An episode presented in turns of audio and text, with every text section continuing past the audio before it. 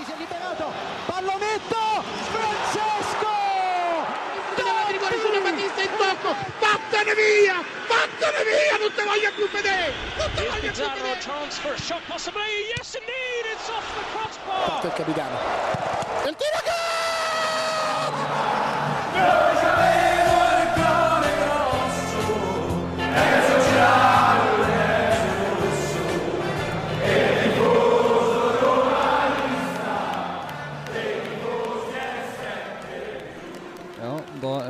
Club Norvegia samla her i podkaststudioet vårt eh, på Torshov i Oslo. Vi har eh, faktisk bokstavelig talt børsta støv av utstyret. Det var et tjukt lag med støv som, som, kom, eh, som kom av fingeren min da jeg, jeg, begynte å gjøre det rent.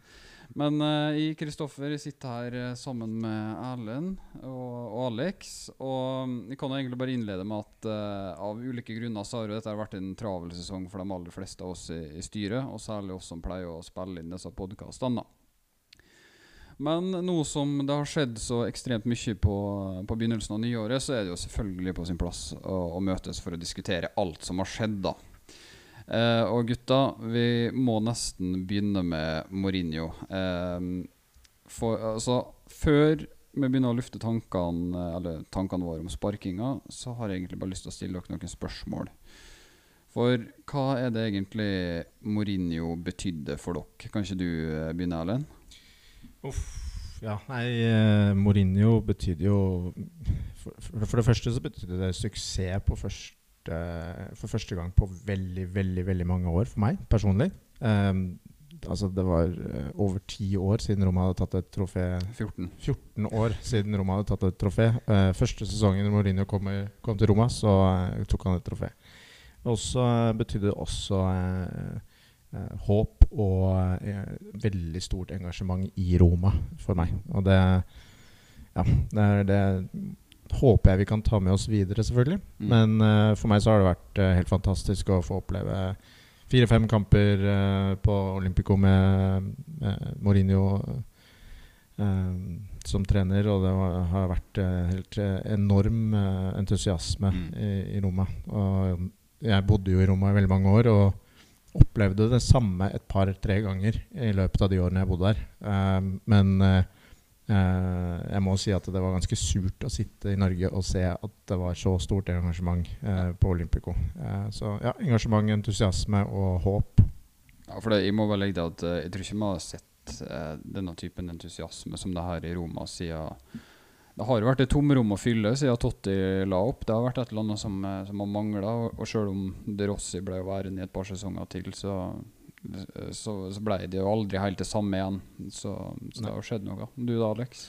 Ja, nei, Jeg er helt enig med deg. Det, det skjedde jo noe i Roma når både Totti og De Rossi ble borte. Så når Mourinho kom inn, så følte jeg liksom at eh, Altså nå, nå skjedde det noe nytt stort. da Så Jeg husker den sommeren veldig godt når han ble signert. Så Jeg trodde først nesten ikke på det, at eh, vi skulle få inn en trener som Mourinho i Roma. Og den tiden etter har jo vært eh, Det har vært magisk på mange måter, og så har det selvfølgelig vært utfordrende òg. Men eh, jeg sitter igjen med mest gode tanker om eh, tiden eh, til Mourinho og Roma. Og savner den allerede på mange måter. Ja, for at eh, jeg tenker sånn For min egen del altså, det er veldig viktig å huske på hvor vi var før eh, Mourinho. Det var jo slutten på Palotta-æraen som var eh, ja, mildt sagt eh, et sirkus og et kaos. Eh, vi hadde Di Francesco som, eh, som mista spillergruppa. Det ble spilt en fotball som, som minst like dårlig som det vi har sett nå mot slutten under Mourinho. Vi hadde Monchi som solgte unna og erstatta gull med gråstein. Petracchi kom inn etter hvert, og, og han har jo fortsatt ikke funnet seg en jobb etter, etter tida i Roma. Han vi fikk inn Fonseca, som kunne tidvis vise at eh, Roma kunne spille OK fotball, men spillerne i, i det laget der, det var jo det var mye ræl, og det var mye av det rælet som, som Mourinho tok over òg, da.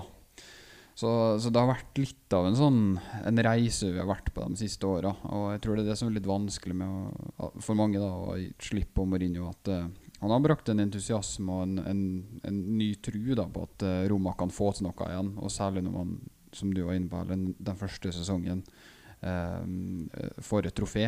Mm. Første på 14 år. Jeg blir litt eh, Jeg blir litt sånn eh, Hva skal jeg si Jeg blir litt fortvilt når jeg ser folk f.eks. si at ja, ja, men det var bare en Mickey Mouse Cup. Ja, da begynner jeg å lure på om du egentlig kjenner til historien til den klubben her. Vi er ikke bortskjemte med, med titler. Tre, tre titler i Serie A, liksom, eh, gjennom eh, klubbens historie. Eh, greier du å få hendene på noe sølvtøy, om det så er en Coppa Italia, så er det en, en stor suksess. Absolutt. Helt enig. Men eh, hvorfor tror dere at han har eh, vært så godt likt da, av, av alle romanister? Eller i hvert fall majoriteten av alle romanister. I Roma har han jo vært en, en stor, stor stjerne. Altså, for romere så handler mye av, eh, av den gleden og entusiasmen rundt Mourinho handlet jo om håp av, av, av å vinne noe. Ja. Og at han er Eh, noe annerledes, eh, ja. egentlig.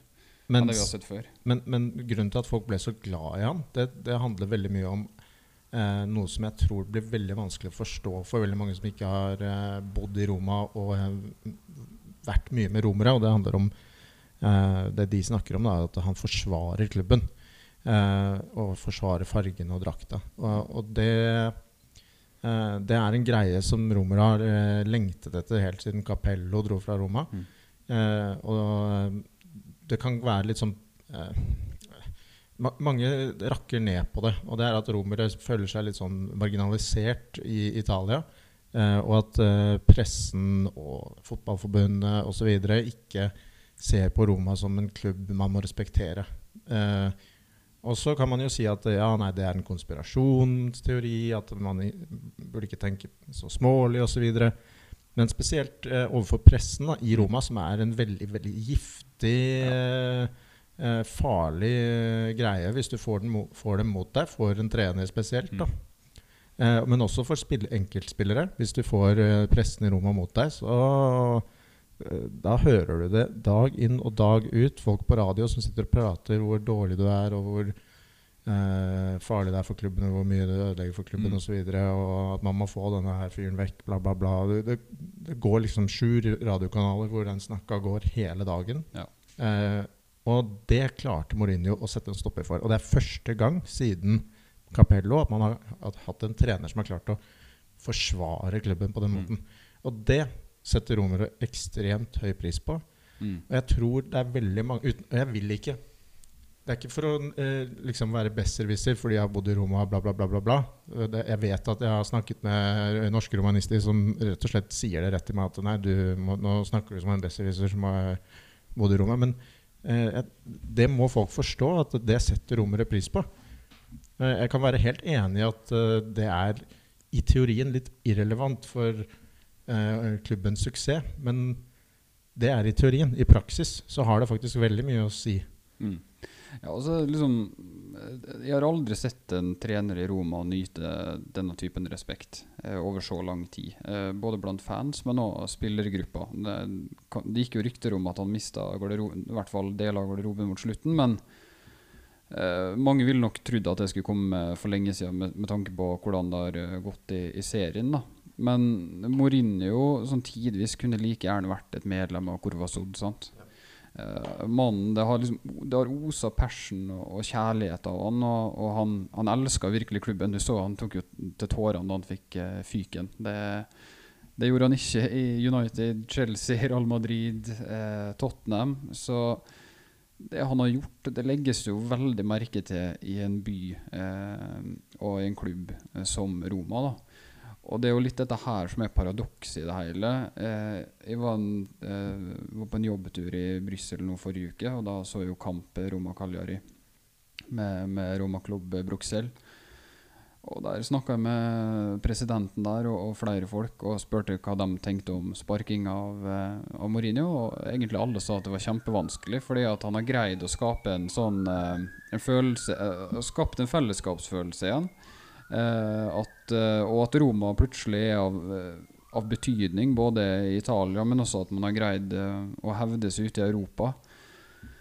Så til tross for at resultatene kanskje ikke har vært der, så har eh, Mourinho greid å, å, å få til noe veldig egentlig ingen har greid å få til på veldig mange år. Og, og dette her er det som min tanke, da, gjør det ganske litt sånn trist. Det var vel utrolig vemodig den dagen eh, Mourinho var ferdig i Roma, men Og i hvert fall når man ser hvor mye det betydde for Mourinho da, å, å være i Roma. Og det var litt sånn, ja, som Erlend nevner, altså, den passion og den støtten Mourinho har hatt i Roma, og den lidenskapen Mourinho hadde for Roma og klubben, har jo gått hånd i hånd. Han har egentlig passa perfekt inn i byen, eh, og han har levert veldig bra. Han har skaffet oss eh, sølvtøy. Eh, I utgangspunktet vært veldig bra. Vi har fått inn spillere som sannsynligvis aldri hadde vært i klubben hvis ikke det hadde vært for Mourinho. Eh, vi har fått mer respekt i fotballmiljøet på, fordi vi har hatt en trener som heter José Mourinho. Eh, og det har hatt mye å si, i hvert fall med tanke på den, eh, f at eh, vi har blitt forsvart da, av Ja. han. Og så tror jeg sånn Mourinho har jo vært som du innebar, inne vært en attraksjon for, eh, for å hente inn nye spillere. Men også for eh, andre supportere rundt om. Og må ikke glemme liksom for Friedkin det, Dette er amerikanere som eh, driver på med alt mulig rart. Showbiz, blant annet, i Hollywood. Eh, og det å ha en som Mourinho i klubben, det vil, altså, er jo med på automatisk å gjøre klubben relevant på et eller annet vis. Så han har jo fra en sånn marketing-side av dette her, så, så har jo det vært en var jo et genitrekk å, å hente han. Men jeg mener jo, jeg husker da vi satt og snakka om Mourinho eh, da han ble ansatt. Eh, det kom jo som lyn fra klar himmel. Eh, men han var jo en, en helt perfekt eh, trenerprofil for Roma. Så dette her var en som hadde meritter. Han, han visste hva som måtte til for å vinne. Og han eh, fikk eh, umiddelbart en respekt blant spillerne som, uh, som uh, jeg ikke hadde sett på ganske mange år, egentlig. Og, nei, det Jeg vet ikke hva mer jeg skal si, Erlend. Altså, jeg, jeg vil jo si at sportslig så finnes det gode grunner for at han ikke kunne fortsette.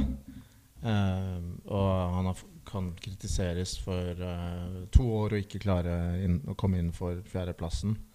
Eh, men eh, Og det har ikke vært en spesielt god sesong i Serie A i år. Det har vært en veldig dårlig sesong i Serie A i år. Eh, og, og der må Mourinho selvfølgelig ta ansvar og, og ta en stor del av skylden.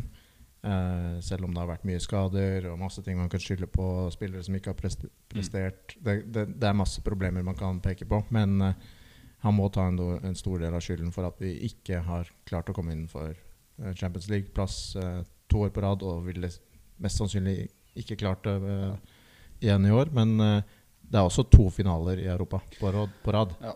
Uh, først uh, vinne Conference League, så komme til finalen i Europa Ja. League, som eh, seriøst man burde vunnet.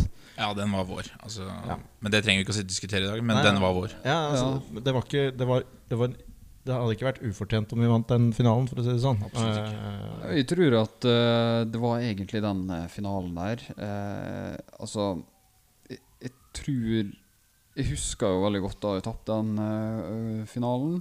Og jeg husker siste seriekamp, der eh, Mourinho Jeg tok runden rundt eh, Olympico. Supporterne, spillerne, trygla han om å bli værende. Og han sa jo der og da at ja, jeg kommer til å bli værende her. Men den kampen der, dessverre, den var skjebnesvanger for Roma. Den hadde kommet til altså Man så jo det i Serie A på den, eh, på den tida der, at man sparte spillere for å yte maks i Europaligaen. Fordi at man visste at her har man ekstremt gode sjanser for å, å vinne. Og hadde man kvalifisert seg til Champions League, så hadde man kommet til å få en helt annen inngang på årets sesong, med tanke på penger man har tilgjengelig. Eh, man kunne kanskje måtte unngå å drive og selge unna så vanvittig mye eh, i sommer. Så eh, det var nok det, i hvert fall i mitt hode. Det var der eh, det skar seg. da Og du så jo innledningsvis nå i høst at eh, vi tapte mot Genoa. Det var 2-2 hjemme mot Salernitana. Det var et eller annet i laget som ikke fungerte, eh, som vi ikke hadde greid å fikse fra sesongen før. Og det mm, så man jo videre utover høsten at det har prega Roma veldig. da Og det er jo det som er å tenke, når jeg tenker tilbake på Mourinho i Roma, at ja, altså det, Tidvis så var det ikke, ble det ikke spilt så bra fotball, men eh, jeg likte å se Roma spille en type sånn kynisk fotball som jeg aldri har sett før. Selv med Spalletti, da vi tok poengrekord i, i Serie A. Eh, og det hadde holdt en seriatittel i, i alle andre sesonger. Men eh, Roma hadde likevel evnen til å choke eh, når det virkelig gjaldt. Mm. Og det der har liksom vi sett det i Mourinho i Europaligaen, men også i Conference League. Jeg glemmer liksom aldri bortekampen mot Bayer Leverkosen. Eh, Bayer Leverkosen hadde over 30 skudd, og Roma holdt nullen. Ja, det var Eh, nervepirrende ja, opplegg. Altså. borte mot Real Sociedad, samme opplegg. Det der har jeg aldri sett et Roma-lag eh, gjøre, så lenge jeg har vært supporter siden tidlig 2000-tallet. Så jeg håper virkelig at spillerne tar med seg noe av det de har lært under Mourinho når det gjelder det å legge inn innsats når det virkelig gjelder, og være litt kyniske. Eh, så så har man også sett da, at uh, under Mourinho så har Roma greid å spille bra fotball av og til når man har alle spillerne tilgjengelig. Men det som har vært det store et av de store problemene er manko på kontinuitet eh, i spillet. Man kan eh, levere årsbeste i én kamp, og så leverer man årsverste i neste kamp mot Lazio. Men det, det jeg tror eh, har vært liksom hans eh, fallgruve, da, hvor han har virkelig ikke eh, klart å, å få laget til å prestere, det er når, når, når du mangler kontinuitet. Da, og du, han ble nødt til å gjøre roke, omrokeringer i laget pga. skader, eller rett og slett fordi at noen av spillerne ikke har prestert, osv. Og det har det vært altfor mye av. Ja, det har det vært altfor mye av, selvfølgelig. Men, men han, det han ikke har evna, det har vært å, eh, å, å rett og slett spille, legge om spillet til en taktikk som, som passet det, det laget han måtte sette ut på banen. det syns jeg han greide i, i sin første sesong, fordi um, han eh, skulle jo da spille med fire bak. Mm. Uh, fire, to, tre, én, eller hva det nå var. Det er vel det han har Men, spilt mest. Ja, men uh, da ble han tvunget til å legge om til tre bak, og det fungerte over en viss periode. Og så har det ikke fungert nå, da det begynte å gå mot slutten. Men det er jo viktig å huske at Mourinho syns jeg har vært en stor eh, altså en, en ressurs, med tanke på at vi har greid å fått opp veldig mange Primavera-spillere. Mm. Bove er jo et produkt av eh, Mourinho. Eh, Zalewski han hadde sin gjennombruddssesong under Mourinho. Eh, og nå har du jo også sett andre yngre spillere eh, begynt å få sjansen òg, og det, det syns jeg er veldig gledelig. Men han har også klart å bygge profiler, sånn som Mancini eksempel, over tid. Ja, som, ja. Eh, for å være helt ærlig, de første to sesongene var eh, katastrofale eh, Ja. i mine øyne. Men den siste sesongen, han, eh, eller siste ett og et halvt årene, har han vist at han, han har noe han kan bidra med på lang sikt også. ja. Eh, og det tror jeg aldri hadde skjedd hvis ikke Mourinho hadde gitt han all den tilliten. Han, Nei, og så ga han noen muligheten til uh, Calafiori fikk jo spille bitte lite grann, men uh, Og han svensk-bosnieren som gikk til Ajax for en 10 millioner euro, som uh, jeg husker ikke helt navnet på men en sånn miniversjon av Matic.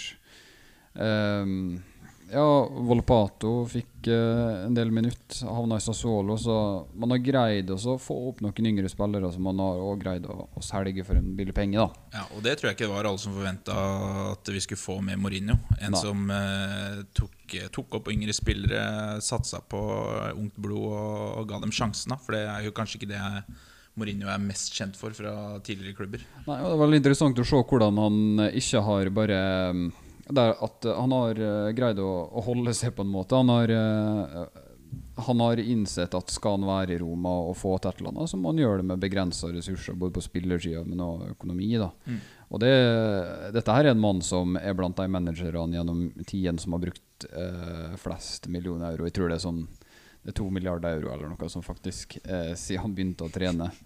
Eh, og i, i Roma de siste to sesongene Det er vel Celik som er sju millioner euro. Er det som blir brukt på overganger. da Det er jo spinnvilt. Men uh, nå har vi drevet snakka litt om eh, hvorfor han har vært så godt likt, i hvert fall uh, i våre øyne, og, og litt om hva han har betydd for oss, og hva han har betydd for romere. Da. Men har dere noen tanker om hvorfor han har vært mindre likt av, uh, av supportere? da? Det er nok det, det er mange som sier at han ikke har fulgt med i timen og, eh, når det gjelder moderne fotball. At han ikke har ut, fulgt med utviklingen i eh, det som kalles moderne press og fotball osv. Men eh, Og, og det, det Det er nok sant at han han har hatt en annen type taktikk eh, enn det mange andre store trenere, sånn som Klopp og Guardiola. Guardiola osv. har. Men eh, det er nok det folk ikke har likt mest, tror jeg. rett og slett At det, det er en, en del av den type moderne fotballen som andre trenere har utvikla de siste ti årene. Der har, han har rett og slett ikke tatt den veien i fotball. Eh, og det har jo vist seg at det har vært hans kanskje svakeste punkt også. Eh, men eh, eh, så er det jo veldig mange som har mislikt eh, drama, da. Ja. Ja. Det har det vært litt av òg. Men eh, drama Altså ja, det har vært mye ja, sirkus. Sirkus. Eh, Sirkus men- Mourinho. Men det er eh, litt av greia med Mourinho også. Men samtidig så er det eh, litt rart å se at folk ikke følger med på hvordan det er i Serie A. For det er ganske mye sirkus i Serie A generelt. Nå har det kanskje ikke vært så mye i år blant andre trenere som tidligere sesonger, men det er ganske vanlig med ganske mye drama i, i Serie A. Men uh, Mourinho har jo vært jaga av pressen i alle år, da sånn som det har vært. Og det, altså jeg husker jo det når han kom til Roma. Sånn, ja, så går det to sesonger nå, og så er Mourinho ferdig i Roma. Og så er det samme opplegget som i alle andre klubber. Uh, så jeg tror kanskje tålmodigheten til uh, mange begynte å gå ut, og da blir, øker press på Mourinho, og pressen blir mer på. Han har jo på en måte vært en litt sånn skyteskive for, eh, for eh, mye av det som har gått galt i Roma, selvfølgelig. Det, det tenker jeg at en ikke skal legge skjul på, men det er jo han som på en måte har stått i bresjen. Eh, F.eks. den, den katastrofale avgjørelsen til, til Taylor i Europaligafinalen. Jeg kan selvfølgelig forstå frustrasjonen til, til Mourinho der, eh, men det var ingen andre i klubben som Altså fra klubben, eh, Tiago Pinto eller Friedkin, som offentlig gikk ut og sa at dette her var en skandale. Det var kun Mourinho som gjorde det. Så jeg tror det, det er jo en grunn til at enkelte supportere har likt han da. Men det er den derre han, er- han er jo et følelsesmenneske, som veldig mange søreuropeere er. Men akkurat det der er sånn Det er det det er litt sånn elsk det eller hat det. Og veldig mange romere liker jo dette greiene her. Men det, noen ganger så har det nok gått uh, litt for langt. Uh, og blitt litt for mye sirkus og klaging. Men eh, jeg syns ikke det har vært så ille at det har vært en grunn til å hate han. Eh, og det syns jeg er litt trist å se at folk fortsatt driver og pirker på det greiene der. Og det er, det er stor forskjell på hvordan norsk presse rapporterer på Mourinho, og, og hvordan det blir rapportert i Italia. I Italia så har det jo vært ja, ok, oppslag Mourinho, bla, bla, bla. Eh, klagde på dommeren osv. Han er utvist i to kamper og må sitte på tribunen. Ok. Eh, men det, jeg, jeg mener ikke at det har påvirket prestasjonen til laget eh, så mye at eh, det var en god grunn til å hate han. da Nei, da. altså akkurat når det kommer til sånn oppførsel på benken Jeg jo, også, jeg jeg jo en motstander av det der du, du, må, du må greie å oppføre deg eh, Og innenfor kontrollerte rammer, på en måte. Men faen, se på Klopp i Liverpool som springer etter fjerdedommeren og linjedommere. Du ser på Xavi i Barcelona som eh, Det var sesongen i fjor eh, der det gikk et klipp gikk viralt der han kalte eh, dommeren eh, sønn av ei hore. Eh, sånn eh, ja, Simione i Atletico Madrid, eh, Allegri i Juve Dette her er jo Det er en del av gamet, men, jeg, men det er noe som er litt kronisk for Mourinho òg. Den der oppførselen der. Men jeg syns jo det er viktig at eh, altså, sånn som den hendelsen som skjedde i Budapest, da, med den Hensen i en Europa League-finale, at sånne situasjoner faktisk blir fremma. At noen tør å faktisk stå for at det der er ikke greit at skjer i en finale. Altså at han, Kanskje måten han gjorde det på, skulle vært gjort annerledes, men hadde ikke Mourinho gått ut og sagt noe der, så hadde det blitt lagt lokk på, og så hadde man ikke prata om det i dag. Nei, Så han har, han har i hvert fall turt å stå fram og, og ta de uh, kampene, da. Ja, jeg er enig, men uh Så jeg, har full forståelse for at folk eh, kanskje ikke liker annet. At man eh, heller eh, ønsker at det er fotballen og resultatene som skal, som skal stå i fokus eh, etter, etter matchene. Og at det ikke skal være antall røde kort osv. Men det er jo ikke derfor han fikk sparken. Nei. Det er jo resultatene i Serie A som har vært utelukkende grunnen. Og det, det er mer enn nok uh, grunn til å sparke han for det. Uh, rett og slett. Det har ikke vært bra nok i Serie A i år. Men uh, det jeg synes, som jeg savner litt, er egentlig Altså, hva, hva slags beslutning er det han egentlig tok nå? Fordi ja, vi skal ha det Rossi re resten av sesongen. Men hva er det som er fremtiden? Er det en plan? Uh, og så videre. det, det, det er derfor jeg ble veldig trist og lei meg også. For jeg så jo at uh, Mourinho hadde mest sannsynlig ikke fortsatt etter den sesongen uansett. Uh, Kanskje man bare skulle latt det gått ut sesongen. Ja, men, altså, da, men det er da jeg ble litt uh, redd for at det faktisk har skjedd noe med, mye mer alvorlig bak kulissene som vi ikke vet om. Fordi jeg, jeg, og det er jo en del rykter om det. Jeg kom- kommer ikke til å gå inn på det her og spre ryktene, men jeg er redd for at det dessverre har skjedd et eller annet bak uh, kulissene som har forsura forholdet mellom enten Mourinho og eierne eller Mourinho og spillerne så mye ille at det rett og slett ikke var mulig å fortsette med han. Mm. Og det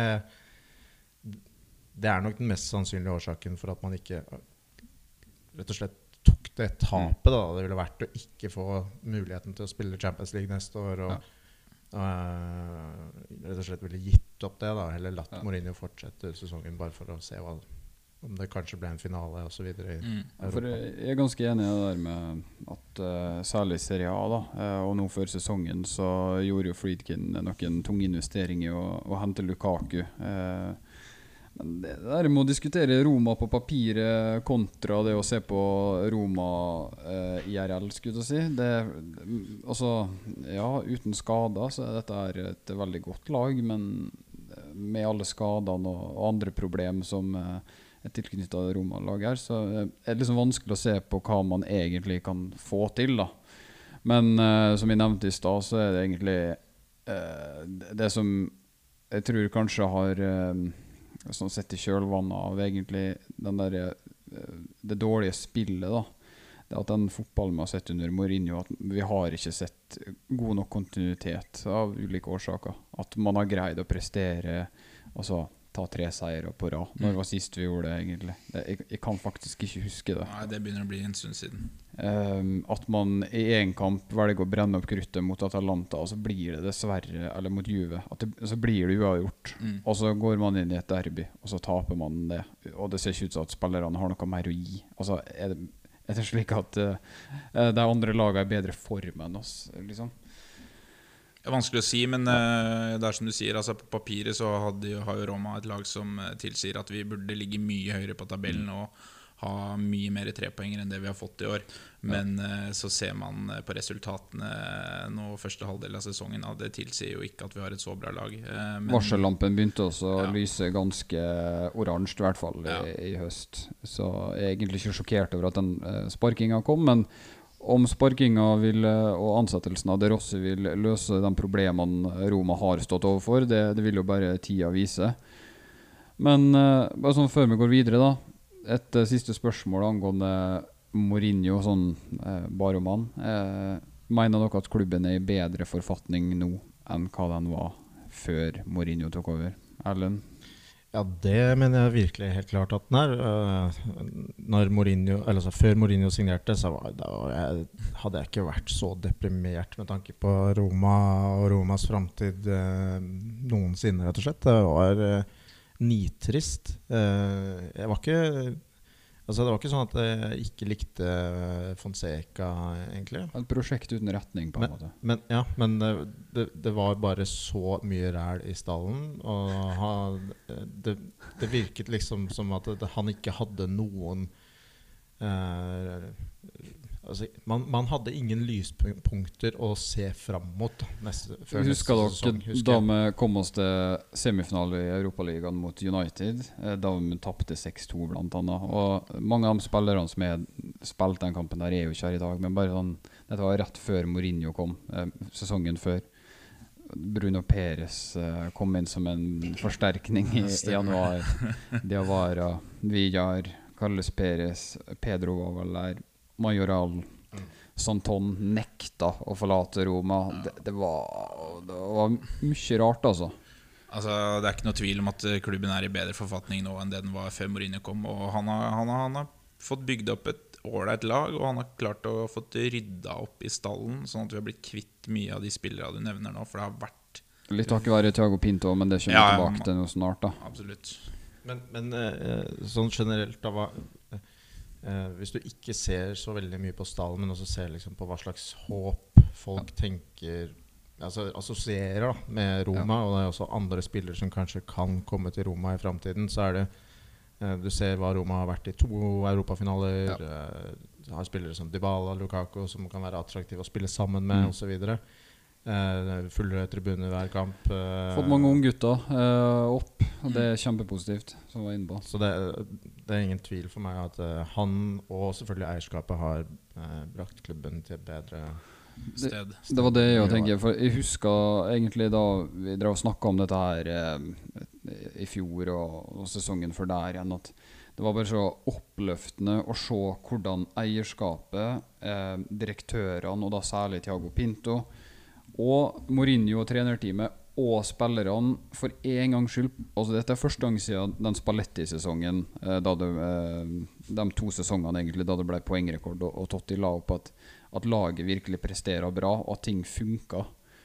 Eh, og når alle drar i samme retning, så er det med på å skape håp og, og forventning om at det er noe godt i vente. da så det jo påvirka meg veldig at det gjorde meg rett og slett emosjonell da, da Mourinho fikk sparken. For det var Jeg hadde egentlig ganske trua på det prosjektet her, men ja Det, det er bare håpa det som kommer nå etterpå, da, at kan At man i hvert fall kan bygge videre på den entusiasmen, den trua og det håpet vi har hatt. Ja. At, det, at det er faktisk mulig, da. Og det, det har mye å si at uh, supporterne har det håpet også. Fordi Ja. at det, det var veldig det, Vi var et bekmørkt sted. Uh, Ja.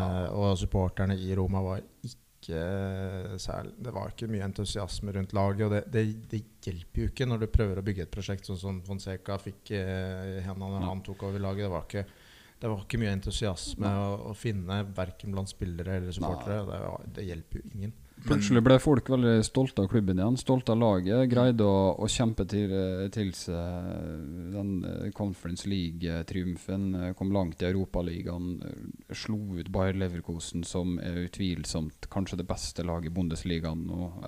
Så det, det skjedde mye bra, altså. Mm. Så det er bare Håpet mitt er at man i- ikke skal starte liksom helt fra scratch igjen nå. Altså, da tenker jeg ikke sånn det, ja, det er mange spillere som kommer til å bli bytta ut til sommeren, og der, men jeg tenker litt den mentaliteten, eh, båndet mellom laget og supporterne, eh, eierskapet og, og dem eh, Altså, det var litt sånn misnøye i Roma med eierskapet da Mourinho fikk fyken, men faen heller, altså. Det, det er helt imponerende å se Friedkin i første kampen til Drossi. Både Dan og Ryan sitter på spillerbussen på vei til stadion.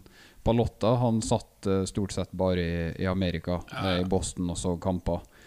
Så her er det to stykker som er til stede på alle heimekampene, omtrent alle bortekampene, eh, og er virkelig til stede og har lyst til å få til noe med, med det laget her. Og det, dette her er det som eh, får meg til å fortsette å trua på at det, det kan skje noe stort av i Roma fremover. Ja, jeg tror ikke de kommer til å nå tenke at nei, nå er det kjørt, nå må vi bare gi Nei. opp og starte på nytt. De har igjen. investert hundrevis av millioner av euro i denne klubben her. Ja. Eh, som egentlig det, Dette er penger som skal slette gjeld, som bare har eh, fordufta for dem. da De får ikke en dritt igjen for disse her pengene der. Så jeg kan ikke forstå at de kan finne på å selge klubben i, nærmeste fremtid. Så har de også investert ganske mye penger i det nye stadionprosjektet. Som ja. eh, På en måte så er det veldig bra at man ikke kommer noen vei videre sånn veldig enkelt. Fordi at det er eh, Eneste måten å få realisert det på, det er å, å fortsette å investere og, og pushe for det prosjektet der. Ja. Og det er jo det eneste som på en måte kan gi en return of investment for dem. Fordi det er ikke noe det er ikke noe reali realitet i å tjene penger på fotballen. I hvert fall ikke italiensk fotball. Nei, det er nesten så å si mulig, det. Altså det, hvis, du, hvis du ser veldig lang, eh, langtidsperspektiv på det, så kan det kanskje være det. Men da må de være rett og slett de som tar, tar Serie A opp. Da Så da må man jo vinne Champions League osv. Tror man har litt sånne ambisjoner faktisk på kvinnesida. For at Roma er det beste kvinnelaget i Italia. Eh, Fikk jo en ny norsk spiller der nå. Eh, Men eh, der ser du at man kan bli det nye flaggskipet til italiensk kvinnefotball. Da. Ja, de har vært flinke til Mm. å satse nå. Men ok, vi er ganske enige om at klubben er i bedre forfatning eh, ja. nå enn hva den var da Mourinho tok over. Men eh, når det er sagt, så er det jo en annen mann som har uh, pakka sine saker og dratt fra den evige stad nå på nyåret. Det er eh, vår kjære Tiago Pinto. Kontrakta gikk ut, og Det var vel aldri snakk om at han skulle fortsette. Jeg tror det var egentlig enighet både mellom Pinto Jeg tippa at han var skitlei. Eh, og jeg tror Friedkin ønska å, å få inn nok, en, en ny sportsdirektør eh, som eh, kanskje kan eh, få til noe mer, da. Men vi har jo sett hvordan det kan gå fra Sabatini til Monchi. At uh, gresset er ikke alltid grønnere på den andre sida, men, men det gjenstår å se nå, da. Men uh, vi skal ikke sitte her og snakke om hvem som kan ta over. Men Tiago Pinto i Roma, hva tenker dere? Alex, har du noen umiddelbare tanker? Tre år? Tre år. Hva tenker, hva eh, tenker du om Pinto? Hva skal man si? Altså, jeg syns i utgangspunktet han har gjort en decent eh, jobb i klubben. Vært eh, veldig mye mer ryddig og litt mer gjennomtenkt enn mange av de andre sportsdirektørene som har vært i Roma siste tiden. Mm. Jeg føler han har klart å kvitte seg med veldig mye død, død kjøtt i klubben. Og så har han fått inn eh, mye friskt. Og så har man også fått opp en del eh, yngre spillere. Så sånn alt i alt så syns jeg egentlig Pinto har gjort en, eh, en god jobb i Roma. Men jeg skjønner, eh, jeg skjønner at eh, Eller det har ikke vært gode arbeidsforhold for Pinto i Roma. Nei, det er akkurat det. For du, du, du kan ikke evaluere Nei. tida til Pinto i Roma uten å ta hensyn til financial fair play. Nei, nei. For altså, hadde han hatt det fritt med midler og sluppet unna FFP, så kunne det sett helt annerledes ut. Men han har faktisk jobbet mot en eh, regel som er eh, ja, nesten umulig å jobbe imot. Altså, det, det er så vanskelig å komme rundt den. Så, Altså, det, det, er som å, det er som å Det er sånn som ukrainerne som, som kjemper mot Russland med begge hendene bundet bak ryggen. Sant? Ja. Det, er, han, det, det systemet der, det er en kreft for fotballen. Mm.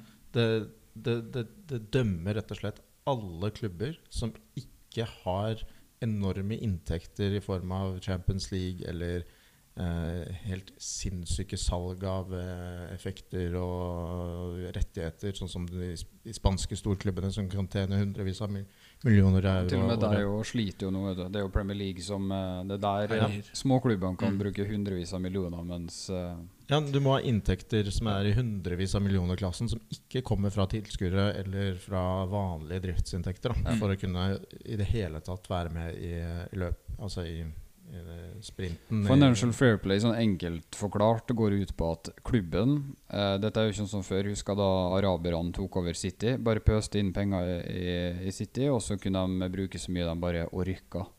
Men Du kan ikke gå med underskudd. Det er Nei. det som er poenget. Så ja, det er akkurat det. Så en klubb kan uh, si tjene 100 millioner euro, og så um, er det 20% av dem som kan uh, brukes på spillerkjøp, da f.eks. Så det er kun en viss prosentandel av inntektene til klubben som kan brukes på kjøp og salg av spillere. Og så ser er det enkelte klubber i Italia har vært flinke nå de siste sesongene, sånn som Atalanta har greid å helt uforklarlig vis selge Høylund for 80 millioner euro. Og da får du plutselig veldig mye penger du kan reinvestere. Da. Ja. Og Milan nå har holdt på med samme Tonali til Newcastle for 70-80. Det, det som var situasjonen i Roma det, det, Financial Fair Play har jo mange aspekter ved seg. Og I teorien så skulle dette her hjelpe småklubber, sånn at eh, de kunne konkurrere med store Mm. klubber. Problemet var jo at veldig mange små klubber hadde enorm gjeld når Financial Fair Play startet. Og tilnærma null Ja. Så, eh, og, og det som skjer, er at når du betaler ned gjeld, så blir det ekstra straffet eh, fra eh, Financial Fair Play fordi at det går rett i underskudd. Mm. Eh, så når du slutter boka Og det som er litt rart, at du, du ender bøkene i juni, eller hva det er. er det ikke det? Ja. Så når, når den streken blir satt i juni, og hvis du da står med underskudd, så er det sånn Ok, eh, da må du inn i forhandlinger med, eh, med Uefa og si liksom hva er planen videre for at du ikke skal havne i underskudd neste år. Hvis de ikke stoler på deg, rett og slett, da, der sitter det noen subjektivt og, sier, og, og, og vurderer om planen din er god nok framover, så, så pålegger de deg enda strengere regler for neste sesong. Uh, og det er jo det som skjedde med Roma. Ja, Tror du den, set, den settlement agreement forrige sesong lå vel på 30 millioner euro? At de måtte sende det av gårde til Uefa? Og nå til sommeren så tror jeg det faktisk er snakk om opp mot 60. Ja, og det, det som skjedde, var jo at Roma ikke klarte å, å, å, å skaffe de pengene rett og slett da, via inntekter. Og det jo da, handler jo mye om å selge spillere, for det er jo ikke noen Nei. andre inntekter Roma kan skaffe, med mindre de vinner Champions League eller et eller annet sånt. Mm. Og, det, og det er jo sportslig suksess, så du satser enten på da, en, å vinne eller kvalifisere til Champions League, Men det hadde ikke vært nok engang. Nei. Så du må også håpe at det er en eller annen klubb som har lyst til å kjøpe en av spillerne dine som du kan avse, og tjene inn de pengene. Men da mister du jo eh, den spilleren, da. Men akkurat eh, Pinto under disse forholdene her syns jeg har vært ekstremt god på å selge unna. For da han tok over eh, Roma etter eh, Monchi og Petraki, så eh, Jeg, jeg veit ikke hvor mange eh, spillere Roma hadde registrert i, i stallen. Men bare, bare tenk deg sånn Vi hadde en Sonsi, Pastore Altså Fazio. dy, dyre investeringer for Roma som på en måte eller egentlig hodeløse investeringer som ikke har gitt Roma noe som helst tilbake, da, verken sportslig eller økonomisk. Så du hadde spillere med store kontrakter, og det var helt umulig å bli kvitt dem omtrent. Men han greide jo likevel. Og samme, tenk Loifert, eh, Gonzalo Villar, eh, han eh, Reynolds Mm.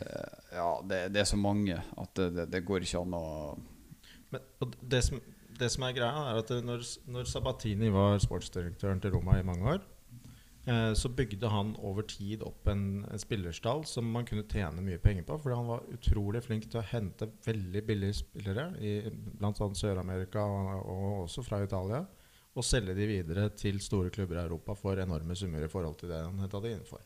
Og det var den eneste måten Roma ikke havna på altså under den røde streken i, for Financial Fair Play. Siden Sabatini har dratt, så har vi vært eh, Så har vi blitt straffa av FFP hvert eneste sesong. Mm. Enten ved at man har gått, inngått en sånn settlement agreement med Uefa, eh, og da pålagt seg selv restriksjoner i overgangsvinduet neste sesong. Eh, eller fordi at vi rett og slett ikke klarte det og fikk straff. Og da har vi også ikke fått lov til å bruke eh, spillere i Europa. Altså Vi måtte eh, redusere stallen i Europa. Det hjelper jo ikke når du skal prøve å hente inn eh, midler neste sesong. Det gjør det at du får mindre sjanser til å komme deg videre i Europa, som betyr mindre inntekter. Og eh, eh, det, ja, dette her her er jo helt sinnssykt. det. Altså, ja, den, det er som du sa, den FFP for uh, små klubber eller mindre klubber er eh, Det er kreft for, for fotballen. Og jeg, jeg syns Uefa må gå inn og begynne å se litt på den regelen. For at uh, den har ingen nytte sånn som den er nå. Men det som er at det, det, kommer ikke til å skje. Fordi uh, hvem er det som bestemmer Europa? Jo, det er de som har mest penger. Og dette her er til Altså, Det virker mot den hensikten de sa det skulle ha når det ble introdusert. Og nå, nå kan man jo sitte her ti år senere og tenke at det kanskje egentlig var hele poenget med FFP å sørge for at det ikke eh, små klubber skulle klare å komme seg opp på det nivået som de store klubbene hadde. Sånn Chelsea City, PSG osv., som allerede Mm. hadde etablert seg i toppen av Europa. Skal sitte trygt. Det, det kan jo virke som Mm. at det var intensjonen. Ja. Uh, og i så fall så er det jo et, Det er jo en konspirasjonsteori som jeg ikke har lyst til å uh, fremme. Men altså, i så fall så er det jo da en uh, rett og slett en korrupsjon satt i system for å sørge for at makten i fotballen blir eh, værende der den var. Men det er ikke ukjent i Uefa med litt eh, korrupsjon. Da. Så ja, men det, det Resultatet av dette er jo at de større, større klubbene har jo uh, vært forblitt store. Og da tenker jeg på Premier League-klubbene. Og så ser du jo Italia, Spania, Frankrike hvor man sliter. Til og med PSG er litt sånn småtrøbbel, sjøl om de har jo gode connections med Uefa. Men ser du ta Barcelona som et eksempel. da Skyhøy gjeld. Men eh, det begynner å bli ganske dårlig med inntekter, så de driver også og selger unna absolutt alt de har av rettigheter. Fremtid. Ja, ja. ja, fremtidige TV-rettigheter, sånne tulleavtaler som det der.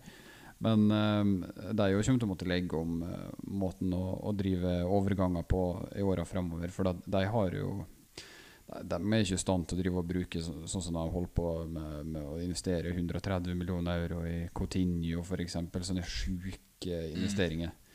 Så jeg, jeg tipper at Roma må satse mer på yngre fremover, og det virker å være ganske klare tegn på at det kommer til å skje. da mm. Men Men det Tilbake er til positivt til òg. tilbake til Pinto. Pinto. Bare min umiddelbare tanke er at han i løpet av tre år i Roma, til tross for sin unge alder, har greid å hevde seg veldig bra på overgangsmarkedet. Har investert klokt. Han har vært kjempeflink til å um, eh, egentlig Og det er jo det som er litt håpløst i Roma, at det er jo eh, tilfeldigheter som avgjør hvem du skal hente inn når du ikke har noen midler til rådighet. Så han har og da, da kan du ikke ha noen god overgangsstrategi for å bygge lag. Så der har han vært god, syns jeg. Han har eh, greid å operere innenfor ganske stramme rammer. Og han har greid å, å solgt unna eh, spillere som ikke har vært gode nok for Roma, til tross for disse strenge Financial Fair Play-reglene. Så jeg tar egentlig av meg hatten for, eh, for det Pinto har fått til i Roma. Eh, Jeg er veldig glad for at vi har hatt han i klubben under denne perioden her. Ja, det, det, jeg tror ikke klubben hadde hatt eh, ja, den suksessen som man har hatt da, uten han. Eller med noen andre så kan det være at vi ikke hadde hatt nærheten av samme suksessen. Nei. Eh, sitter med Dybala og Lukaku nå osv. Uh, men det jeg på en måte savner, er uh, mye av det som vi hadde under Sabatini, med et enormt uh, speidernettverk. Ja.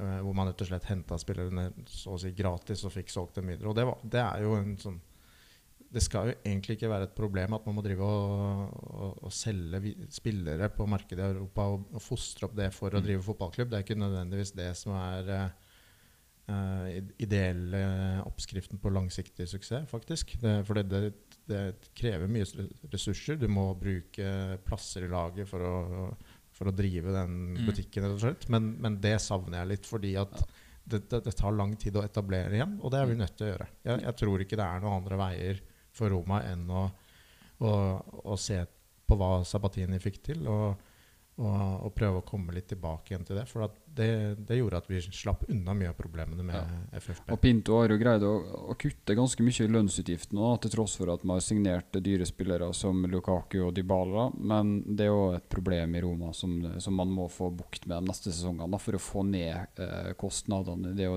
å, å drive klubben, egentlig. Mm. Men eh, ja, Alex, vil du si noe helt til slutt om Pinto? Nei, bare, egentlig bare ønsker han lykke til videre. Jeg syns egentlig det er litt synd at vi mista han nå. Ja. Skal jeg være helt ærlig. Men- ja. Ja, på en måte så er, så er jeg litt sånn grunn, Det er grunn til å, å være bekymra med tanke på at han ikke er der lenger, for at vi vet ikke hva vi får. Nei. Og det er litt sånn, Nå veit man egentlig ingenting, Fordi nå har du mista Mourinho, og du har mista Pinto. Du har fått inn De Rossi, og du er, sesongen er Det er fortsatt en god del måneder igjen. Hva er det som skjer til sommeren? Altså Det er en del usikkerhet eh, rundt mye nå, da. Ja. Så man vet ikke helt hva man får. Så jeg, jeg håper at uh, Frightkins har en plan på dette her, sånn at man til sommeren kan eh, fokusere på litt nye ting. Ja, jeg tror de eh, har en plan, men uh, nå handler det bare om å, å gi det et forsøk og, Ja. og greie å havne innenfor topp fire med, med Drossi ved roret. Og, og, og, og ha han i klubben også greier man å videreføre en slags form for entusiasme som Mourinho har, har eh, tatt med seg da, inn i Roma. Men før vi tenker at vi eh, til slutt må snakke litt om De Rossi, selvfølgelig. Eh, dette her blir jo en ekstremt lang episode, men det, det er mye å snakke om. Eh, for i januar så har det jo blitt signert noen nye spillere òg, faktisk. Til tross for eh, så ekstrem, ekstreme Financial Fair Play, eller det regimet Roma må forholde seg til. da. Så tror dere at disse spillerne her kan fylle noen eh, behov og hjelpe Roma til å nå målet om topp fire? Spillerne vi har signert, er jo eh, Hoisen på lån fra Juve. Og Angelinho fra Leipzig på lån. Det er med egentlig en ja, det er opsjon på kjøp, men eh, det går rykter om at den egentlig er obligatorisk. At eh, Roma og Leipzig har inngått en sånn gentleman's agreement. Ja. Og den siste er jo Tommaso Baldanzi, da, en av uh, italiensk fotballs desidert største talent. Um, og jeg kan bare legge til der med Baldanzi, den signeringa der. Han passer egentlig ikke sånn Han går ikke Det er en dyr investering for Roma, 10 millioner euro pluss 5 i bonuser. Og det er jo ikke en som skal gå rett inn i laget. Og det er jo litt sånn Roma, hvis jeg skal signere noen for en så høy sum, så forventer du egentlig at man skal kunne bidra med én gang. Mm. Og, og kanskje han kan gjøre det. Men for meg så symboliserer dette at, eh, og det går rykter om det, at Friedkin sin strategi fra og med til sommeren Da kommer vi til å, å se en revolusjon i Roma, der spille, spillere som er dyre i drift, og som ikke presterer, Spinazzola, for å ta et eksempel, ryker, og at man nå skal begynne å satse ungt. Man ønsker ikke å se at Primavera-spillere som Fratesi, Calafiori, ender opp i andre klubber og har suksess. For eh, Roma var, sto jo i en situasjon i fjor sommer der man skulle forsøke å hente tilbake Fratesi for nesten ja, mellom 20 og 30 millioner euro. Det, det er håpløst. Og Calafiori, med den suksessen han har som midtstopper, vel å merke, i Bologna nå, han òg kommer ikke til å bli en billig mann å hente tilbake. Og der har Roma tapt. Det er ingen eh, videresalgsklausul der, altså. Så Roma får ingen prosenter. Han ble solgt til Basel, og så ble han solgt videre til Bologna. Altså Man må jo bare håpe at uh, Altså Jeg er veldig positiv til å satse på yngre spillere, og Roma er en klubb som må gjøre det sånn. Eh, Så hvis man klarer å hente inn yngre spillere, ta opp yngre spillere fra Primavera og faktisk få dem til å bli et godt produkt, og få dem inn i et lag som fungerer, så er det ikke noe som er bedre enn det. Får bare krysse fingrene for at vi kan uh, signere han Hoisen uh, ved sesongslutt. For det at 18-åringen der det, altså det, det er jo tragisk å tenke på at vi, vi sitter og, og spiller en Juventus-spiller god. Mm. Men uh, fy faen så bra han har vært, altså. Og det er jo Han øh, jeg, jeg hadde aldri hørt om han før. Uh, jeg følger ikke med på Primavera fotball i særlig stor grad. Men herregud, han, ser, altså han er 18 år, ser ut som en 14-åring, spiller som en 35-åring. Stort talent, da. Kjempestort talent. Ikke plass til han i Juve. Og vi har vært, så, vi har vært heldige da på en måte og fått den inn i Roma. Så får vi Ja. se da om vi klarer å, å signere Ja, for da de får en sånn kjempeambivalent følelse. Det, Det, det er selvfølgelig digg å ha en spiller i laget som kan bidra, men det at han er Juventus-eiendom, og at eh, vi kanskje ikke kan signere han ved sesongslutt, det, det er sånn Ja, den er tung å svelge, altså. Så er spørsmålet om han eh, ved sesongslutt eh, kommer til å få noe spilletid i Juve. da Ja. Ja, det er jo det som er det store spørsmålet. Og hvis han trives godt i Roma, så kan han, da prøve å presse gjennom en overgang, men det, det er umulig å si. En, en spiller i den alderen der er jo avhengig av minutt. Men det vil jo komme an på hva slags strategi Juve kommer til å ha neste år, og hva de, hvilke spillere de ser på Ja, i framtiden osv. Roma kommer nok til å ikke ha så mye å si i den, Ja. eh, den der. Men uh, spillere ut syns jeg er litt interessant. Bare én siste på um, vår nye nummer 69. Ja, positivt. Det er bra. Ja, det, det er jo Jeg må bare sånn Nå har vi gått ja, Hvor mange sesonger de har hatt uh, Spinazzola og Zalewski nå? Det er jo tre sesonger. Det, vi er inne i den tredje sesongen, eller fjerde, eh, på venstre wingback. Og det har jo bare gått én vei, og det har gått nedover. Det, jeg tror Zalewski, Statistikken der den var grusom. Også fra å være veldig god den første sesongen under Mourinho, så har han nå spilt eh, 60-70 kamper og hatt to assist.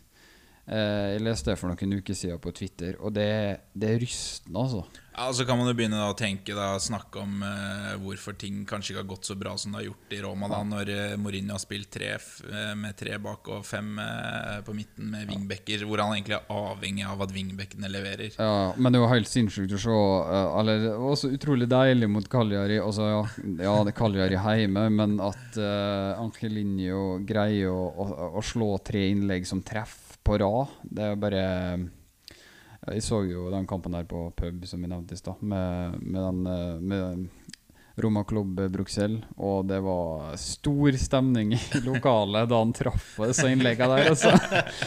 Plutselig så hadde sang om Angelinho og Stor stas at han hadde valgt nummer 69. Det, det må sies. Men altså ja, det, det er jo trist å, å, å si at uh, vi, vi må, må kvitte oss med f.eks. Spinazzola. Men, det, men uh, Ja, det ha- har ikke, har ikke gått bra nok. Og har, Nei, og han er faktisk bare 30 år ennå, men du, du kan ikke ha en spiller i en klubb som Roma som tjener Jeg tror det er 3 millioner netto i året, euro altså. Og hvis du ikke greier å prestere med den lønna der, da må du ut. Fordi du blir en sånn stor utgift. Og en, en, dette her kan ikke være en sånn viktig investering for Roma. Nei. Men det som er greia, er at han hadde en sesong hvor han eh, ja, over kanskje seks måneder presterte knallbra. Og så, var det EM. og så var det EM hvor han var kanskje den beste spilleren i hele Han kom, han kom, EM. han kom på uh, EM som beste laget. Ja, Nei, men han, Hvis han hadde spilt den finalen, så tror jeg han kanskje hadde eh, kunnet vunnet den premien for beste spiller. Ja, det hadde han gjort 100% men Spinazzola etter at han røyk akillesen, har ikke vært seg sjøl. Dessverre. Altså, og- og etter det så har det vært sånn Ja, nei, vi må bare håpe at eh, det kommer tilbake kanskje 80-90% av den spilleren han var, men det har jo aldri skjedd. Nei, Man har sett noen glimt av det i ny og ne, hvor han har dratt av to-tre spillere og fått ballen inn, men det er altfor lite av det. Men når det skjer gang på gang, at det har vært noen glimt, så har man fått et nytt håp, og Ja. så har man tenkt ja, kanskje vi må la han prøve en annen sesong, osv. Det har skjedd to ganger to år på rad, da. Og så Mm. har det rett og slett virkelig straffa seg for Roma. På, fordi den posisjonen der har vært en pine i Nei. to år nå. Eh, fordi Zalewski, som også har vært en sånn typisk spiller som har fått eh, masse jubel og entusiasme når han har prestert bra i løpet av et par-tre kamper, men han har jo ikke prestert over tid, han heller. Nei, ikke nå. Eh, det, er, det begynner å bli ganske lenge siden, syns jeg faktisk. Over et år. Ja, ja, det, ja, det er som jeg sa, det er skremmende å se på statistikken. Men uh, veldig, uh, veldig fornøyd med spillerne som har kommet inn, da. Men spillerne ut At uh, Vinja At Pinto greide å selge han for over 8 millioner euro. Det er helt sinnssykt. Til Brasil. Ja, jeg bare lurer på hvordan i alle dager Flamengo hadde råd til å bruke så mye penger på han. Men uh, jeg stiller ingen spørsmål. Det, dette er et lukka kapittel. Men uh, Belotti også, som gikk på lån til Fiorentina, betaler nesten 1 million euro for å låne ut sesongen. Det er markedsverdi, tenker Ja, jeg. Og så eh, veldig bra. Jeg, jeg har nevnt det på poden her tidligere. Jeg jeg er veldig glad i Belotti og syns det er så trist å se at han ikke har fått det til skikkelig i Roma. Eh, men eh, han, han måtte jo bare komme seg ut eh, for å kanskje spille på seg litt sjøltillit igjen. og hvis, hvis han spiller bra i Fiorentina, skårer en del mål, Ja. Han kan godt komme tilbake igjen, for Ja. min del. Men uh, han må få spille, han må skåre mål, og han det har ikke funka i Roma. Han har, kommer ikke til å få plass. Ja, og det, Den spilletiden kan ikke Daniel garantere han med Lukaku i troppen. Det Nei. går ikke. Kombolla og gikk eh, til Sassuolo på lån. Uh, han har vært skada lenge nå, men det er viktig at han, også, han var jo rangert som en stor talent da Roma henta han fra Hellas for en betydelig sum. Det var over 20 millioner euro. det. Men uh, det har jo på en måte ikke fungert der heller. Så der er jo håpet at han kanskje blir solgt da ved sesongslutt. Nei, jeg, tror- jeg tror dessverre ikke han Nei. har det som skal til for å Vi får håpe at han presterer i Sassuolo og sånt, han, at vi kan få litt eh, kroner for han. Ja. Men eh, jeg er veldig fornøyd med det Pinto leverte helt til slutt der, altså. Darbo er ute òg. Ja. På lån til uh, Jeg gikk, gikk, gikk fra Ja, starta jo sesongen i Lask i Østerrike, og nå Samp under eh, Og så- Pirlo. Og så har du en til som var på lån, som har gått videre, og det er eh, Ola Solbakken. Vår norske venn. Ja, han er nå uh, i Orava Red Diamonds. eh. Jeg tror han uh, er tilbake i Bodø-Glimt. Ja, eh, jeg tror, ja, det er en trend der. Du Ja. ser Jens Petter Hauge plutselig tilbake i Bodø-Glimt. han bærer nok den skjebnen, han også. Ja, jeg mistenker det jo, Ja. dessverre. Ok, det siste Vi må Vi har brukt utrolig lang tid i dag, men uh, sånn er det bare. De Rossi er jo ny trener. Uh, jeg, jeg må bare høre litt eh, deres tanker om det her, for i mitt hode så var det litt sånn Ja, det lå litt i kortet at Mourinho kanskje kom til å få fyken. Eventuelt om han bare lukka øynene, kryssa fingrene for at eh, det skulle holde ut sesongen. Da, at han kanskje skulle få Roma innenfor topp eh, fire. Men eh, sånn sett i retroperspektiv så følte jeg kanskje at det var noe eller aldri. da. Det var en god timing for en ny trener å komme inn. Roma for første gang på ganske, ganske lenge så fikk em, prøve seg eller spille mot tre relativt enkle motstandere som befinner seg på bunnen av Serie A med ei uke mellomrom mellom kampene. Ja. Og så fikk man jo en sånn der eh, treningskamp i, i Saudi-Arabia òg, da. Men, men her på en måte Der også fikk tida til å prøve ut ting. Ja. Og det tror jeg var en sånn viktig faktor til at Friedkin til slutt sa at ja, det her må vi gjøre noe. Men eh, Altså det var, det var to, husk at det var to kamper før der som var uh, helt forferdelig vanskelige. Ja. Lazio og, og Milan. Ja, det var Coppa Italia og den der òg. ja, og så var det Atalanta igjen før der. Ja. og så videre. og Juventus før der Det, igjen. det, det, det lå nok i kortene at man vurderte å, å bytte trener. Ja, og Vi snakka jo om det før den, de kampene begynte, og at det er ganske avgjørende hvordan det går i forhold Ja. til hvordan det kommer til å gå med Mourinho. Ja. Jeg tror eh, Hadde han vunnet mot Milan, så hadde kanskje til og med fortsatt. Men, men ja, Ja, Jeg tror Flytkin begynte å bli litt uh, nervøs i for at uh, man ikke kom til å nå sesongens mål etter å ha gjort betydelig investering i, i sommer. da. Men jeg må si da at uh, min umiddelbare tanke og reaksjon da De Rossi ble uh, hyra inn som trener, det var at det ble litt sånn ja, Det, det ble litt sånn vanskelig oppe i situasjonen med det å miste Mourinho. Men det at du skal forsøke å At, at en klubblegende skal inn og, og fungere som et slags plaster på såret for å i hvert fall fortsatt opprettholde en entusiasme, den der at, at De Rossi plutselig kunne bli ja, Tenk hvis det ikke går bra, da. Og det er jo ingen garanti for at det skal gå veldig bra fremover.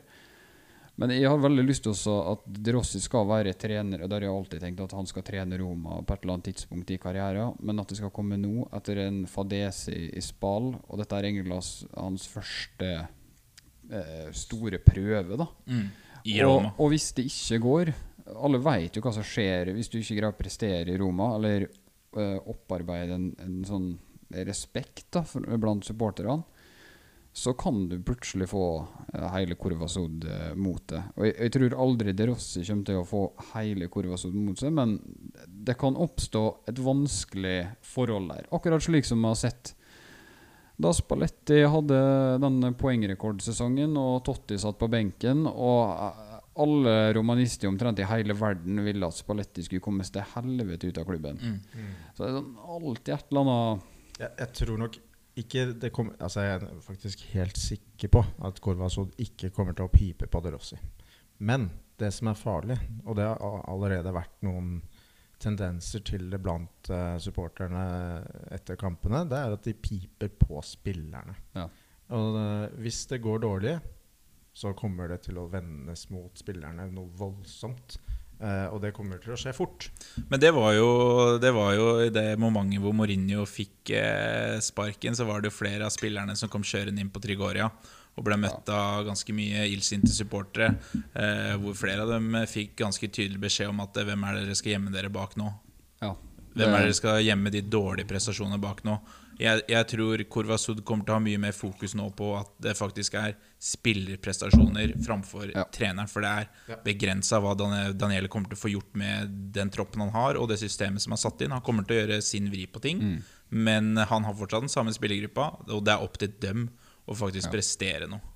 Ja, og jeg synes det er veldig sånn viktig blant oss supportere òg, at uh, enten om du liker Mourinho og likte det prosjektet man eh, forsøker, forsøkte å å, hva skal jeg si, fullføre, eller i hvert fall få noe ut av. da Um, Eller om du ikke likte Mourinho, så er liksom nå er Mourinho et lukka kapittel. Nå er det liksom, tenker jeg at uh, for mange burde det være nok uh, fokus på hva vi har holdt på med.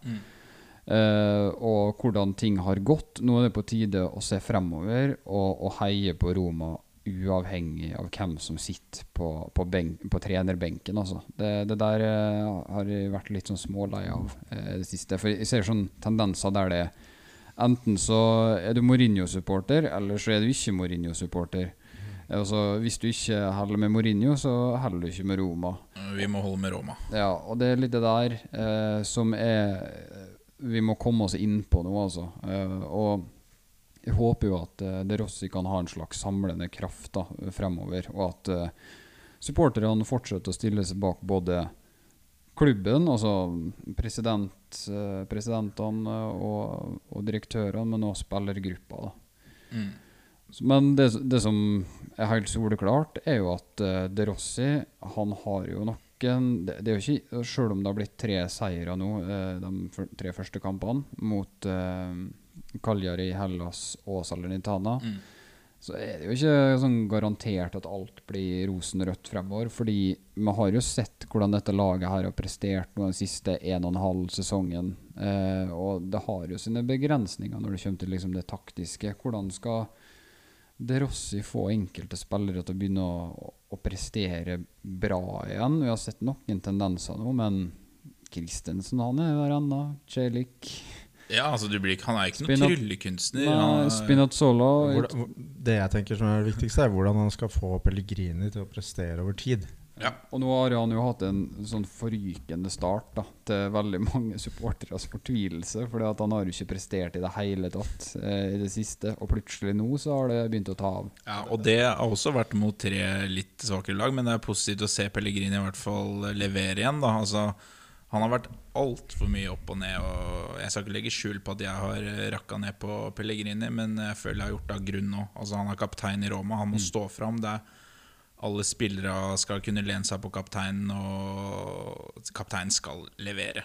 For at resten av laget skal levere også. Skal du spille fast uh, som kaptein, så må du jo prestere. Ja, ja. Det er jo liksom regel nummer én. Det, det har vært, eh, vi har snakka om det uh, over en øl, og skudd å si, at min, min store bekymring med Pellegrini For jeg syns at Pellegrini har vært en ganske god kaptein det, siden han tok over kapteinspinnet fra uh, Florenzi. Faktisk. Eh, men eh, han har jo ikke snakka for høyt. Han har eh, jo prestert eh, tidvis veldig bra. Husker han første sesongen til Mourinho, var han jo klasse bak Abraham. Mm. Eh, og han eh, har hatt respekt i spillergruppa. Han har, og det viktigste for meg er at han har ikke gjort så jævlig mye ut av seg. Og det er Han har spilt kortene sine veldig bra. Ja, så det er vel vanskelig å ta Og du så jo Florenzi, hvor til helvete det gikk. Ja, og han ville jo ikke være kaptein heller. Nei, det gikk jo rykter om at han ga kapteinsbindet til Djeko under uh, en samling på Ja. Trigoria, og så sa Djeko nei, du skal ha det. Men det sier litt om hva slags inngang du egentlig hadde. Eh, Altså, det, han var jo ikke lederen i laget. Nei. Men uh, Pellegrini har greid å være der, men siden han ikke har prestert nå på sånn en og en halv sesong, så blir jeg litt sånn redd for at ja, hvis du er en kaptein uten innflytelse på, på spillet altså, ha, altså, Hvis du ikke har noe å gjøre i startelveren, da begynner det å bli skummelt. Altså, Mm. At man kan havne litt i den Florenzi-fella. For han var jo en, en kaptein fullstendig uten innflytelse på banen til slutt. Altså Vi må egentlig bare krysse fingra for at uh, altså først og fremst at Pellegrini holder seg skadefri, for det har han slitt mye med denne sesongen. her Og så at han da klarer å levere jevnt med gode prestasjoner eh, i den siste halvdelen av sesongen. nå Ja, men når det gjelder taktiske, så er jo sånn De Rossi han må fortsatt uh, slite med en keeper som Det må bare nevnes. Som av og til plutselig presterer han som en normal keeper. Aldri nok. Altså, han er aldri oppe på verdensklassenivå. Nei. Men av og til også eh, så går han på noen ekstreme blundere som kan eh, koste Roma dyrt. da. Og vi ser jo nå Angelinho er jo heldigvis inne, og det ser ut som at Rossi skal spille med fire bak. Men vi har det som med wingbackene som ikke har greid å levere en eneste assist eh, de siste ja, de siste eh, to åra, liksom. Ja, det er så lite assister. Og jeg, har nevnt det der før og snakka om det i den diskusjonsgruppa vi har på Facebook òg, men vi har ingen defensiv midtbanespiller som, som hadde under Matic, f.eks., som hadde en evne til å, å være linken mellom forsvaret og, og midtbanen. Eh, som kan eh, Som kan få Roma til å ja, eh, holde på ballen, eh, tette igjen romma. Og så har vi også sett at Og nå er jo Pellegrini har vært i god form de siste kampene, men midtbanen har jo heller ikke greid å så koble sammen angrepet, da. Jeg tror det er, De drømmer, eller, De Rossi har vel snakka om eh, hvor viktig egentlig rollen til Paredes kanskje kan bli Ja. da i framover. Han skal jo På spille på session possession nå. Mm. Så vi får se da om han klarer å, å få til det. Ja. Det blir ganske avgjørende, i hvert fall. Men det, det som er uh, skummelt med dette her, uh, var jo Kristoffer litt grann inne på, det er at uh, han kan få supporterne ganske ille mot seg. Mm. Og da er du ferdig, ass. Det, jeg tror ikke det er noen vei tilbake hvis han har en liten sånn dupp nå, og det sørger for at vi taper noen poeng. Så det, det er utrolig skummelt, og det vil nok ha alt å si for De Rossi og hans eh, Hva slags suksess han kommer til å ha som trener i klubben nå. Kveldens kamp mot Inter og de to neste kampene mot uh, Feyenoord eh, kommer til å vise litt eh, hva eh, spillergruppa har trent på den siste måneden. Mm. Så det er jo eh, Ja, det er nå alvoret begynner. Altså, i dag eh, Nå vet jeg ikke om folk hører denne podkasten før kampen, eller du rekker kanskje ikke å laste den opp så, eh, så fort. Men eh, det er jo en kamp nå om eh, en og en halv time ca. Mm. Og eh, jeg forventer å tape den kampen. Ja, men på Olympico jeg tror, men, jeg tror det blir en morsom kamp, og det kan bli ganske mm, Det kan bli jevnt, men eh, alt kan skje der. Vi møter kan Italias beste lag. Men, men jeg, jeg forventer å tape den kampen der. Jeg, jeg, jeg kommer ikke til å være skuffa om vi taper sånn. Jeg kommer ikke til å være skuffa, men jeg, jeg tror faktisk at Roma kan vinne. Eh, Hadde vært, hadde vært deilig hadde vært, jeg, Altså Jeg unner De Rossi de tre poengene der mot Inter. Det hadde vært sinnssykt. Jeg tror eh, Mourinho hadde kommet til å vunne disse tre kampene mot Salernitana, Hellas og Cagliari, men jeg tror han kunne tapt mot Inter. Fordi, det, men det som er litt problemet for Inter, er at Inter vet egentlig ikke hva de får eh, på Olympico i kveld. Nei, det er noe i det. Så det, det, det, det gjør denne kampen er veldig vanskelig å spå da, i mitt hode. Hvis, hvis vi vinner den kampen her, så blir jo entusiasmen plutselig veldig høy og, Ja. blant supporterne Ja. også. For da, da er det faktisk ganske stor Ja. sjanse for at vi henger med i løpet om fjerdeplassen. Men Ja, Hvis vi viser at vi klarer å ta tre poenger mot Inter, Mm. så er det mulighet for alt. Men det er en del vanskelige kamper som kommer nå, altså, og viktige. Det er Inter, det er Feyenoord både borte og hjemme, som har veldig mye å si for uh, slutten av sesongen her. Ja. Uh, og om uh, et par måneder så har vi derbyen også, som Må er- vinnes. Ja, og det må vinnes for supporterne, Ja. og selvfølgelig poengene. Eh, og, og de kampene der kommer til å være avgjørende for, uh, for Drossi uh, og den sesongen her, rett og slett. Uh, men eh, jeg lurer på For jeg, jeg har ikke så lyst til å si hva jeg mener om det, men hva tenker dere om, om neste sesong og, og De Rossi? Han har vært ganske kryptisk da. Jeg tror egentlig ikke De Rossi selv engang vet hva som skjer neste sesong. Ja, han har jo tatt denne jobben på minstelønn og ønsker egentlig bare å dra Roma gjennom sesongen. Men jeg, jeg tror ikke De Rossi er en langsiktig trener i Roma. Ja, det er vanskelig å si, og dette er jo eh, Det var liksom min tanke da det var turbulens rundt Mourinho starten av året. Så tenkte jeg at eh, man burde egentlig ha en sportsdirektør på plass som eh, kan eh, ja, kan tenke litt langsiktig, da. For jeg er redd for at uh, De Rossi bare blir en eh, kortvarig løsning. Men gjør han det bra, får Roma innafor topp fire med god margin og viser at her skjer det saker og ting som eh, er spennende. Du har jo sett andre eh, yngre trenerprofiler som Tiago Motta i Bologna som har, og, eh, Palladino i Monza, som har gjort det bra umiddelbart. Så, så, så kan, det, kan det skje noe, altså. Eh, at han faktisk får en kontrakt. Ja, ja og dere også skal få sjansen. Absolutt. Ja. Men eh, han har likevel eh, mye å bevise, da. Og skadesituasjonen kommer til å fortsette å vedvare i Roma. Han er jo ingen healer, dessverre. Og trenerforholdene kommer til å fortsette å være ganske krevende, Mm. med utgangspunkt i, eh, i det der med som vi har snakka mye om nå, financial fair play og, og de økonomiske rammebetingelsene Roma har. da. Det, det jeg vil si, er at jeg unner ikke Drossi å måtte streve i eh, en sesong som kommer nå etter denne sesongen her, eh, med nettopp det, Ja. den problematikken når man ikke vet hva man får inn et lag som, eh, som kan prestere. eh, og unn, altså, hva slags trener er egentlig, egentlig Drossi? Vi vet jo egentlig ikke. Eh, og jeg tror ikke han vet det helt heller. Um, Det er jo ikke mange år siden han spilte fotball. nei, Det er begrensa hvor lenge eller hvor eh, mye erfaring mannen kan ha dratt på seg til å være en trener, da. Han har jo gjort, han har nok gjort seg opp noen tanker om hva slags trener han vil være. Det er jeg ganske sikker på. Ja. Eh, og, Han er i hvert fall en trener i dress, og ikke joggedress. skulle Ja. si. Det er ja. sånne der ting jeg la merke til. så for meg at han skulle være sånn joggedress Altså mm, treningsdresstrener, men eh, det er faktisk eh, blazer. Ja. ja. Nei, men, eh, men eh, eh, Jeg tror han har gjort seg opp noen tanker med tanke på spillestil og, og filosofi og sånne, sånne ting, men, men eh, eh, Possession, og det skal gå fort. Det er liksom Jeg hørte Vertikal angreps. Ja, altså klipp eh, sånn videoklipp fra Trigoria på treningsfeltet der han ropte at uh, 'spill raskere, spill raskere', da vil livet ditt bli veldig mye bedre. Og man har jo sett at kombinasjonsspillet er noe helt annet nå enn hva det har vært under Mourinho. Han er nok litt Mancini-inspirert, tror Ja, jeg. han har vært under mange trenere Altså Han nevnte jo litt i intervjuet at de trenerne som har inspirert han veldig da under sin tid som spiller, er faktisk Luis Henrique. Ja. Til tross for at han hadde virkelig et eh, ræva lag Ja, eh, å meg, å få til noe med. sesong. Men eh, og Spalletti, så klart. Ja. Eh, uten tvil.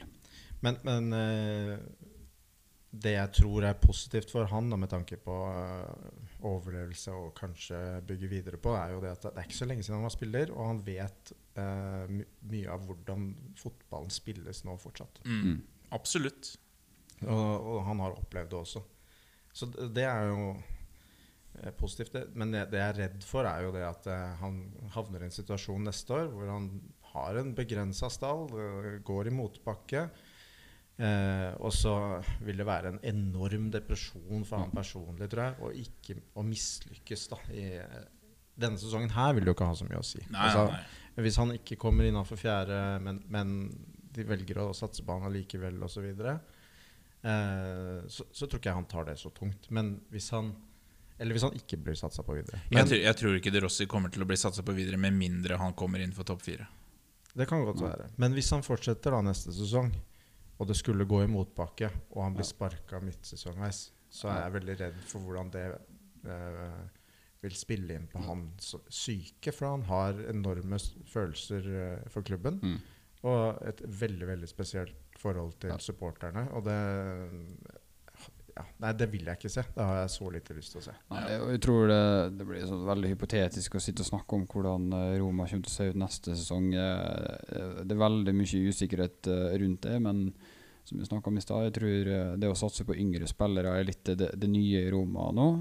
Man skal få ned kostnadene, sånn at man etter hvert kan slippe å slite med financial fair play-greier som gjør det helt uutholdelig for en for det å være trener eller det å være spiller eller eh, å jobbe i Roma. da men eh, vi får se litt sånn til, til sommeren, så får vi se hvilket prosjekt uh, Roma kommer til Eller hva slags form prosjekt Roma kommer til å ta i åra fremover. Så uh, det blir utrolig spennende å se. Det Absolutt. Men skal vi ta og runde av der, eller? Vi har jo skravla i vei altfor lenge, så Sånn er det. ja, sånn Mye er å ta opp. Ingen eh, som har lyst til å legge til noe vittig på slutten? Eller bare én time og et kvarter til kampstart, Roma Inter. Hva blir resultatet, Erlend? Du er veldig pessimistisk. Jeg tror vi taper 3-2. Alex. Jeg tror ikke det blir så mange mål. Jeg, jeg håper på en uøvert 1-1, tenker jeg. Ja, da får jeg legge meg på 2-1, da. Så da har vi tap Ellen uavgjort Alex og Håper seier. jo selvfølgelig. Okay, ja, greit. der er seier, da var deilig. Ja, men Da runder vi av, og så håper vi nå for guds skyld at det ikke blir så jækla lenge til vi møtes neste gang igjen. Så da sier vi bare Forza Roma. Forza Forza Roma. Roma sempre.